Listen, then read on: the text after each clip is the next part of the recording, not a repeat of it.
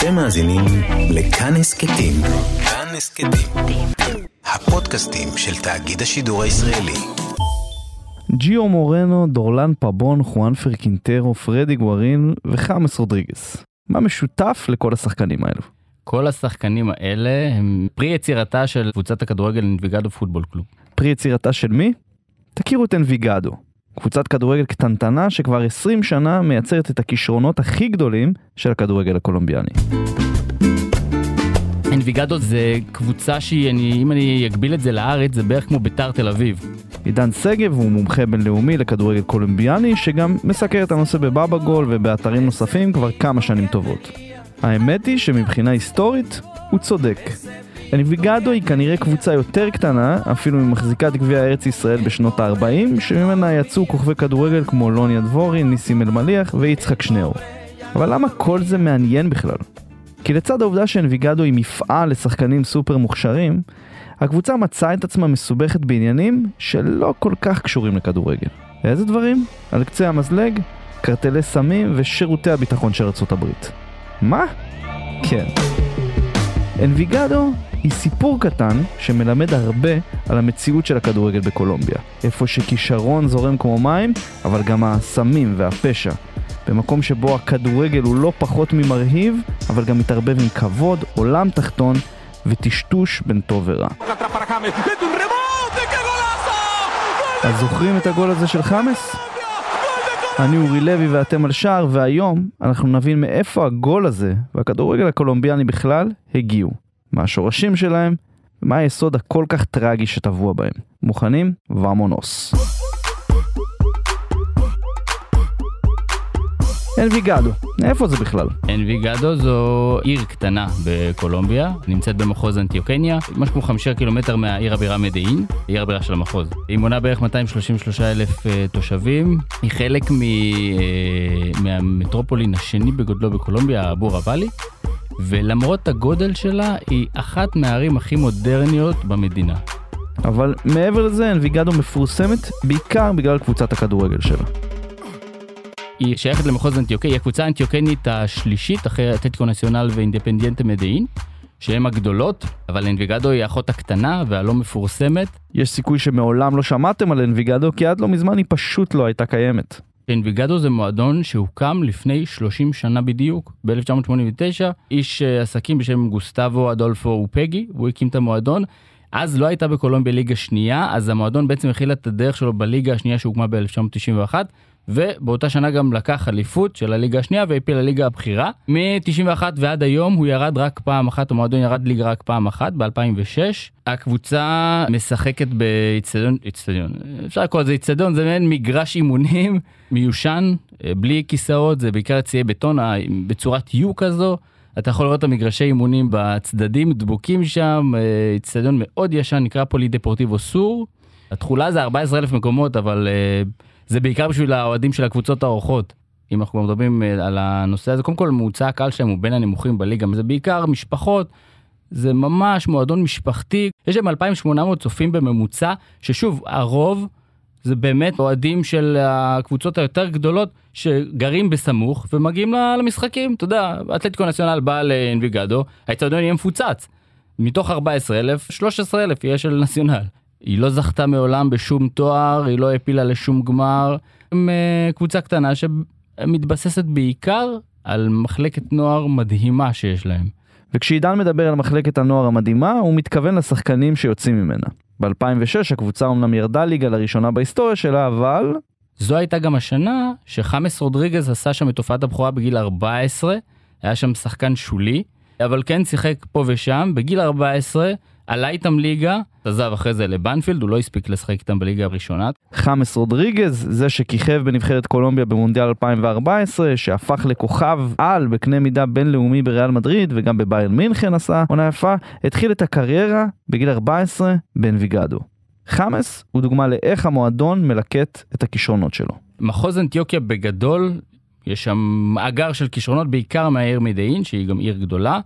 אבל מה שיפה, ואם כבר לקחנו את חמאס, אז חמאס זה דוגמה מעולה, חמאס הוא בכלל לא מהאזור, חמאס נולד בקוקוטה, שהיא מרוחקת uh, כמה שעות טיסה טובות משם, יותר בצפון, ומה שאנביגדו עושה, למרות שהיא מועדון קטן, יש להם אה, בהמון ערים בקולומביה פרוסים מעין בתי ספר כאלה, כמו מיני אקדמיות, הם מאתרים שם ילדים בגילאים 9 עד 12-13. באמת הם לוקחים באמת את הנבחרים ומביאים אותם לאקדמיה באין ויגדו עצמה. דואגים לפעמים גם למשפחות שלהם, להביא את המשפחות, דואגים להם שם ל- ללימודים ודואגים להם לאוכל, ואתה יודע, בקולומביה זה קצת יותר חשוב הנושא הזה, זה לא מובן מאליו. ומה שמגניב, אנביגדו הוציאה יותר שחקנים בינלאומיים מכל קבוצה אחרת בקולומביה. ואם תשאלו את עידן, חמאס הוא אפילו לא הגדול ביותר שיצא משם. חמאס הוא, הוא כמובן הכוכב הכי מפורסם, אתה יודע מה, אולי כבר לא הכי, כי חואן פרננדו קינטרו, הוא כן הספיק לעשות חיל עם אנביגדו בליגה הראשונה.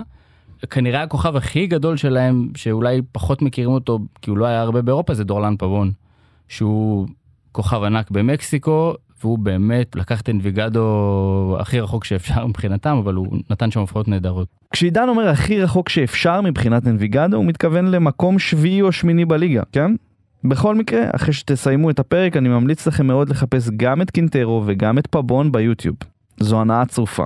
אגב, השער הכי יפה שאני ראיתי live מהאיצטדיון היה של דורלן פבון. ליברטדורס של 2012, נציונל מדיין נגד פניירול מאורוגוואי, בעיטה חופשית מ-45 מטרים לחיבור.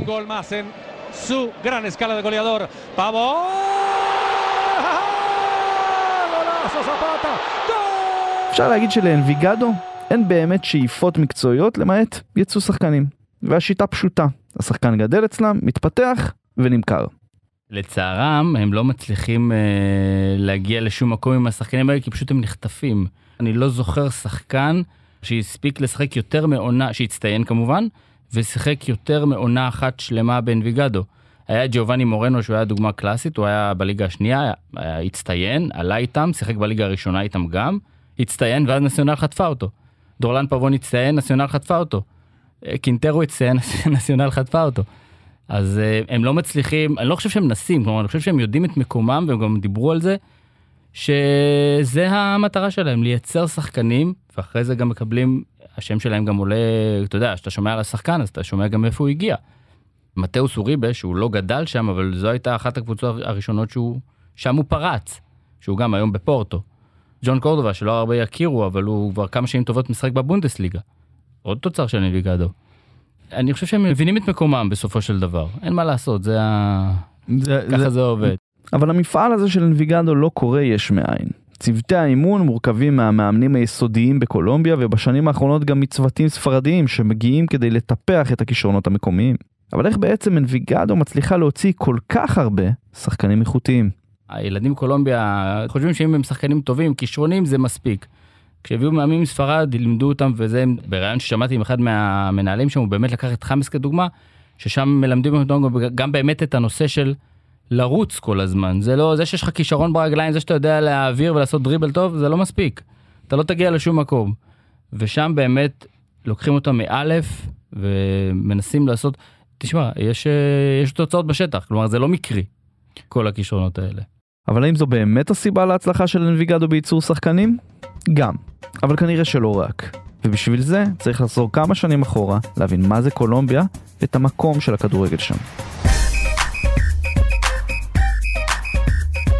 בשביל הרבה ישראלים, קולומביה היא יעד אטרקטיבי.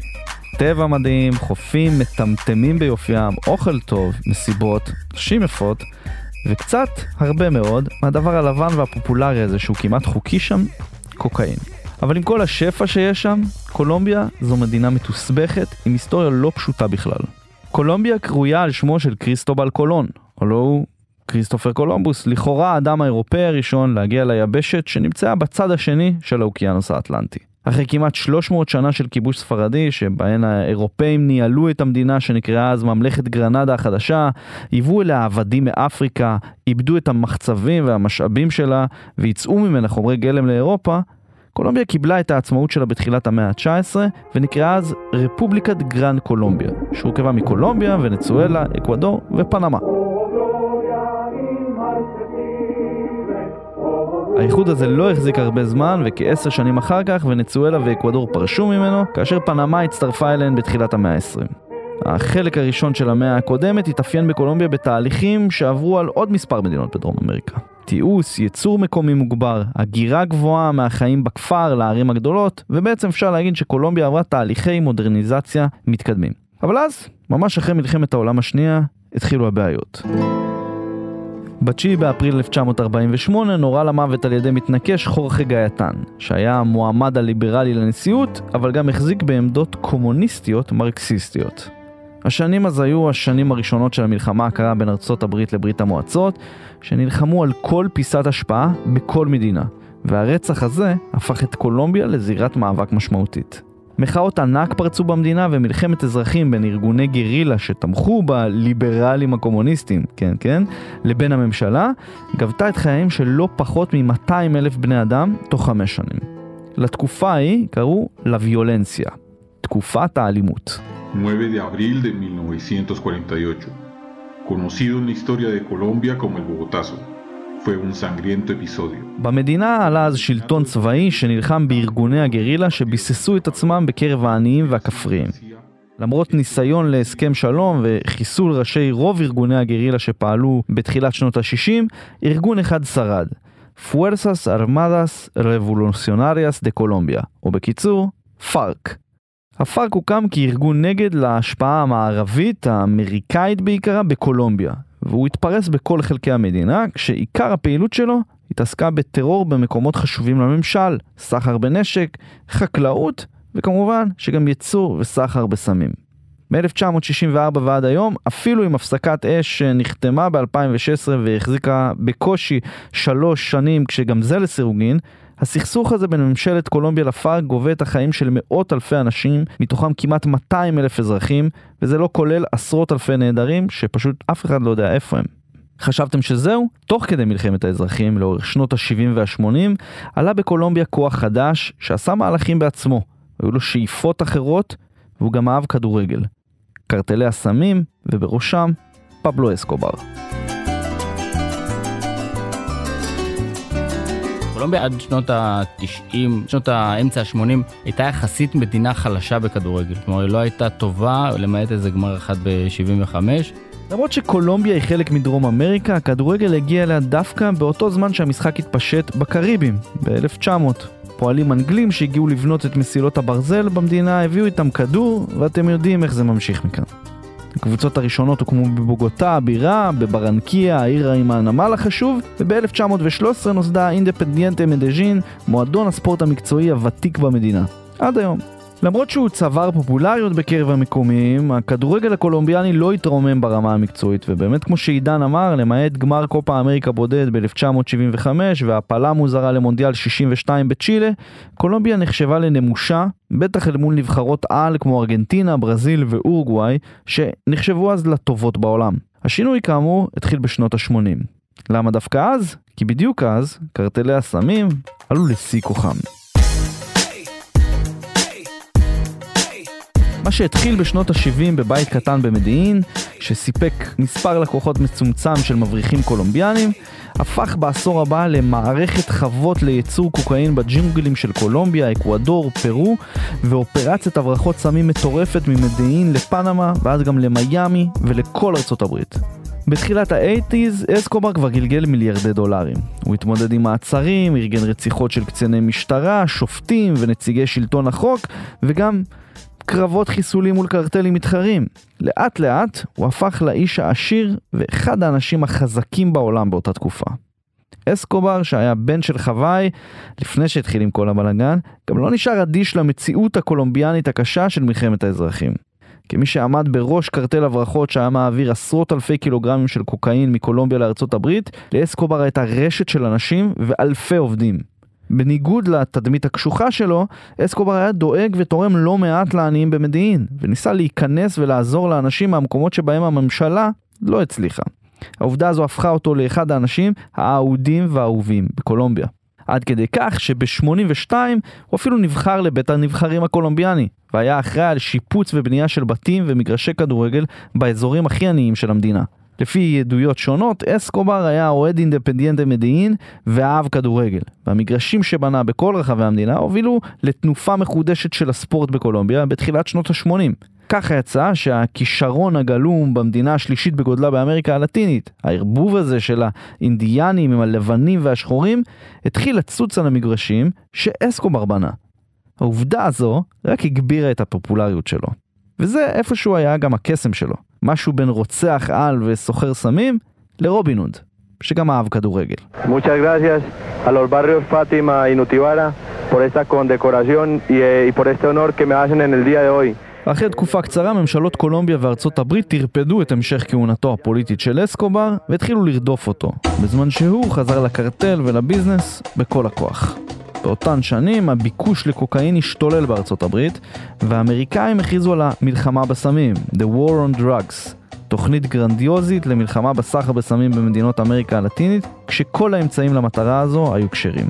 אסקובר מצידו חיפש מקום להלבין את הכסף שלו, ומה יותר נוח מקבוצת כדורגל. אז הוא השקיע את הכסף האישי שלו בתוך אחד המועדונים הגדולים בקולומביה, אתלטיקו נציונל דה מדאין. ושמה החגיגה התחילה. Atlético Nacional. Este fue el equipo por excelencia de Pablo Escobar, considerado... זיופי כרטיסים, זיופי העברות, שוחד לשופטים, מאמנים ושחקנים, בשנות ה-80, אולי גם היום, כדורגל זה גן עדן להלבנת כספים. עד היום יש מי שמכחיש את מעורבותו של אסקובר בנציונל, אבל אי אפשר היה להתעלם מזה. בטח כשהקבוצה עצמה זכתה בקופה ליברטדורס ב-89, כשלפי סיפורים, פבלו עצמו שלח איום לשופט המשחק שיעשה את עבודתו כהלכה. זה היה תואר אלופת דרום אמריקה הראשון של נציונל, והראשון של קבוצת כדורגל קולומביאנית אי פעם.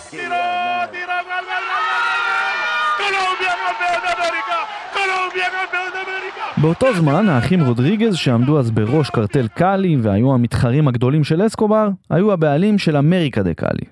כן, גם שם, מכירת משחקים, הימורים על משחקים, שוב שוחד לשופטים, הזמנת טורנירים, ומה לא. המשחקים בין אמריקה לנציונל היו בעצם משחקי דרבי בין קרטל קאלי לקרטל מדאין, בין רודריגז לאסקובר. הימים האלה היו ימי הנרקו פוטבול, שפשוט נתנו לכדורגל קולומביאני שורה שתמריץ אותו קדימה.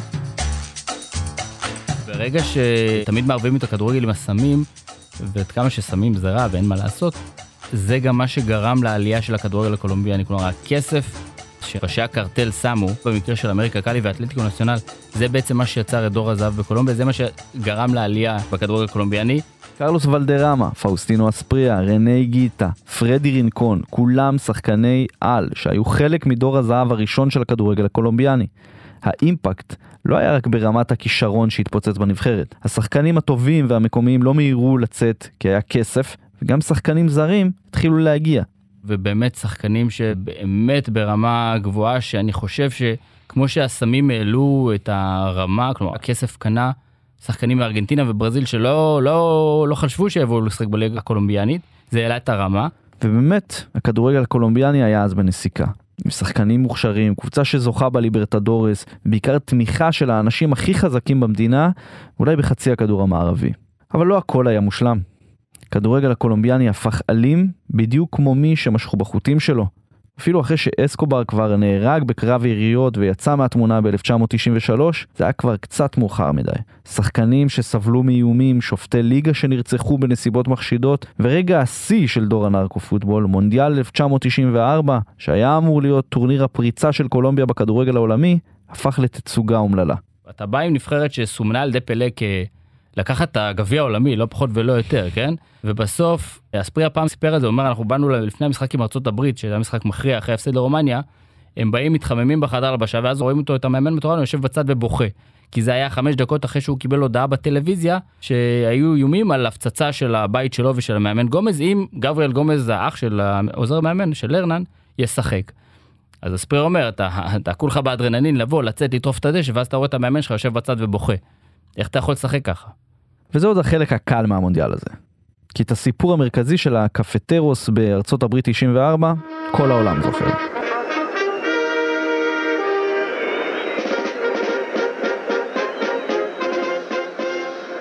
למרות ציפיות בשמיים כאמור, נבחרת קולומביה הסריחה את הדשא באותו מונדיאל, והשיא הגיע בהפסד למארחת 2-1. קולומביה המוכשרת, הצבעונית, המבטיחה, רצתה לנצח את ארצות הברית הגדולה, שהיא אולי חלשה, חדשה וקצת גמלונית בכדורגל, אבל בחיים עצמם היא מעצמה. ובשביל הקולומביאנים אז, ידה של ארצות הברית הייתה בכל. במלחמה בסמים, במלחמת האזרחים, בתמיכה בממשלה נגד הפארק ונגד הקרטלים, ובכלל, במעורבות פוליטית, חברתית וכלכלית ישירה בכל מה שקרה בקולומביה באותן שנים. אלו דברים שהשפיעו על החיים של מיליונים. אז מילא להפסיד בכבוד, אבל קולומביה הפסידה בגלל שער עצמי של בלם אתלטיקו נציונל, אנדרס אסקובר. כשהוא חזר לקולומביה כמה ימים אחרי ההפסד, אסקובר נרצח במגרש חניה בשלוש יריות והפך לקורבן הכי מפורסם של מעורבות המאפיה הקולומביאנית בכדורגל. אין שום קשר משפחתי בין שני האסקוברים, אבל יש קשר ישיר בין המעורבות של פבלו אסקובר בכדורגל הקולומביאני למוות של אנדרס. על הנושא הזה בדיוק נעשה הסרט The Two Escobars, יצירת מופת בסדרת ה-30 על 30 של ESPN. כדאי לכם לראות. אז בדיוק כמו הסם שהטיס אותו גבוה, הכדורגל הקולומביאני עלה למעלה בימי הנרקו פוטבול, אבל גם התרסק לרצפה מהר מאוד וחזק מאוד. עד כמה? בשביל זה צריך לחזור לאנביגדו.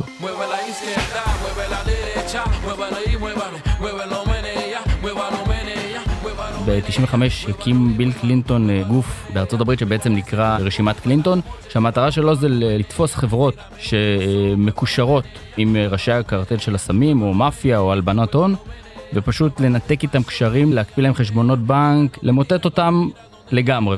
רשימת קלינטון היא אקט סמלי בחלק השני של המלחמה של ארצות הברית בסמים. בקולומביה טענו אז שבמקום לטפל באנשים שצורכים את הסמים בארצות הברית עצמה, האמריקאים משתמשים בזה כתירוץ כדי לפתוח מלחמה נגד קולומביה.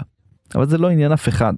הנציגה הראשונה מהכדורגל הקולומביאני לחטוף מרשימת קלינטון הייתה אמריקה דה קאלי. אז, אחת משתי קבוצות הכדורגל הגדולות בקולומביה ואחת הגדולות בדרום אמריקה. אמריקה קאלי הגיעה לגמר ליברטדורס ב-85, 6 ו-7 ברציפות והפסידה.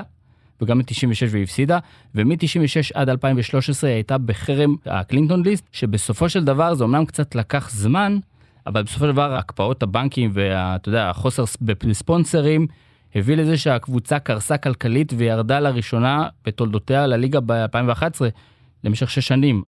באורח פלא ודי מפתיע, הנציגה השנייה הייתה הקבוצה הקטנה אנביגדו פוטבול קלוב. ואנביגדו למרבה הפלא גם מצאה את עצמה ב-2014 בתוך הרשימה של הקלינטון, שזה נבע בעיקר בגלל uh, קשר שלה עם המאפיה. כל נושא, יש כנופיה שנקראת לאופיסינה דה אנביגדו, uh, שבעיקר המטרה שלה הייתה יותר להלבין הון, והם עשו את זה באמצעות הכרטיסים שנמכרו למשחקים, ובעיקר בזכות העברות של השחקנים. כן כן, מה ששמעתם, אנביגדו הקטנה, המשפחתית, המוכשרת, הייתה למעשה תחנה באופרציית ההלבנות של קרטל מדעין. אופיסינה דנביגדו היה קרטל סמים בינוני ברשת של אסקובר בכל אזור מדיעין, אבורה ואלי ואנביגדו. הבעיה עם אנביגדו הייתה עם נשיא המועדון דאז, גוסטבו אופגי. אופגי היה אה, חבר קרוב של פבלו אסקובר, ואחרי זה גם של אה, דוד מוריו שהוא היה יורש של אה, פבלו. לפי עדויות שונות, לאופגי היה תפקיד מפתח באופיסינה, אבל הדבר הזה מעולם לא הוכח. אופגי היה קשור, אבל גם לא קשור. מה שכן היה ידוע, זה הקשרים הטובים שהיו לו עם פבלו. לא פעם דווח שבזמן שפבלו היה בכלא המפואר שלו, לקתדרל, אופגי היה מי שדאג לעסקים הרבים של אסקובר בחוץ. בעיקרון הוא אחד שלא...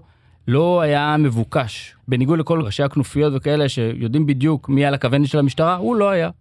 הוא היה נחשב לאיש עסקים, ידעו שהוא חבר של פבלו, הכל בסדר, גם רנה איגית היה חבר של פבלו, הכל בסדר גמור. למשטרה זה אולי הספיק, אבל לראשי האופיסינה, הוא פגי היה סכנה. ולכן דניאל מחיה, שהוא היה ראש הכנופיה של האופיסינה, והוא פגי מן הסתם ידע על העסקים האלה, דניאל מחיה לא אהב את העובדה שאופגי יודע יותר מדי, וכשמישהו יודע יותר מדי במצבים האלה, בין הקרטלים, יש איזה פתרון אחד. זה הפריע לדניאל מחיה שב-2006 מחליט לרצוח אותו, ובסופו של דבר הקטע המעניין שבסוף החקירה התברר שמי שהוסגרו והורשעו היו דווקא הבן של אופגי שירש את המועדון ממנו, ואשתו של אופגי, של אופגי עצמו, האבא. הם הורשעו בקשירת קשר עם דניאל מחיה, ובהלבנת ההון, והורשעו, ובסופו של דבר הקבוצה נכנסת לקלינטון ליסט ב-2014. עם כל הטרגדיה המשפחתית, בסופו של דבר, אנביגדו הייתה בעצמה צינור להלבנת כספים, להקפצת מחירים וחלק מהמפעל של הקרטל. זה נרקוס בכדורגל, בקיצור. ממש ככה, ממש, המפתיע שזה קרה עם קבוצה כמו אינביגדו, כי מה זה מפתיע? זה היה, האמת שזה היה סיבה קלאסית, כי הרבה, באמת הם עושים הרבה עסקאות בגלל השחקנים שלהם. המזל של אינביגדו, שבניגוד לאמריקה, כמובן שזה יצר את אותו אפקט, כי גם לאינביגדו, מן הסתם כבר היו, הופיעו איזה כמה שנים בלי ספונסר על החולצה, והיה להם הקפאה של חשבונות הבנק. אה, אינביגדו גם ככה היא קבוצה, בניגוד לאמריקה, בלי הרבה כסף, אז להם בכלל זו הייתה מכה קשה. אז חשבתם שזהו, שהמועדון שזורק ילדים בני 15 להרכב אם הם מרשימים באימונים ייסגר? דווקא על פניו, לאנביגדו שיחק המזל. הסיפור שלהם נגמר יחסית טוב, שב-2018 רכשה, יש קרן בקולומביה שנקראת קרן אה, פרו פוטבול, שזה בעצם אה, קרן שהתפקיד שלה זה לדאוג לקחת מועדוני ספורט, כאלה כמו אינביגדו שהסתבכו, בעצם מה שנקרא לפתוח להם דף חדש, וזה בדיוק מה שקרה. הם רכשו 55% מהמניות של, ה, של הקבוצה, החליפו לחלוטין את הסמל למשל, כמו לפתוח עמותה חדשה. וכבר עכשיו יש מספר שמות שעתידים להיות חאמס רודריגז או ג'יו מורנו הבאים. הכוכב הכי גדול זה כנראה playmaker שחשבו עליו כבר כמחליף של חאמס, רק שאני חושב שהוא קצת נתקע שם, הוא כישרוני ברמה מטורפת, קוראים לו אה, ג'ייסון גוזמן. יש את קרלוס טראן שהוא הבלם אה, הנבחרת עד גיל 23, יש להם שחקן עם שם ממש מגניב, קוראים לו מייק נייק גומז. מייק נייק. מייק נייק גומז. זה דברים שבאמת יש רק בקולומביה. בין אם ג'ייסון גוזמן או מייק נייק גומז יהפכו לכישרונות הבאים שיסחבו את קולומביה, דבר אחד בטוח.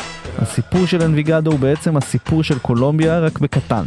יופי מהפנט ומשכר, אבל טרגי. המון כישרון והזדמנות ותקווה, וגם תוצאות לפעמים, אבל גם הרבה סבל, שפיכות דמים והסתבכות נצחית עם קרטלי הסמים והתרבות שהם יצרו במדינה, או עם ארצות הברית וההשפעה העקיפה, אבל בעצם הכל כך גדולה על החיים של האנשים במדינה הזו. מצד אחד גן עדן, מצד שני גיהנום. זה היה השער שלכם לאנביגדו פוטבול קלוב ולכדורגל הקולומביאני. תודה רבה לעידן שגב, לרומטיק, לרחל רפאלי, ליוסי מדינה ולירדן מרציאנו. תצטרפו לקבוצת הפייסבוק שלנו שער הסכת הכדורגל של כאן ובבא גול ותספרו לנו מה חשבתם על הפרק. אתם יכולים למצוא אותנו באתר ובאפליקציית כאן בכל אפליקציות הפודקאסטים וכמובן שגם בספוטיפיי. תדרגו, תנו ריוויו והכי חשוב, Keep Football Real.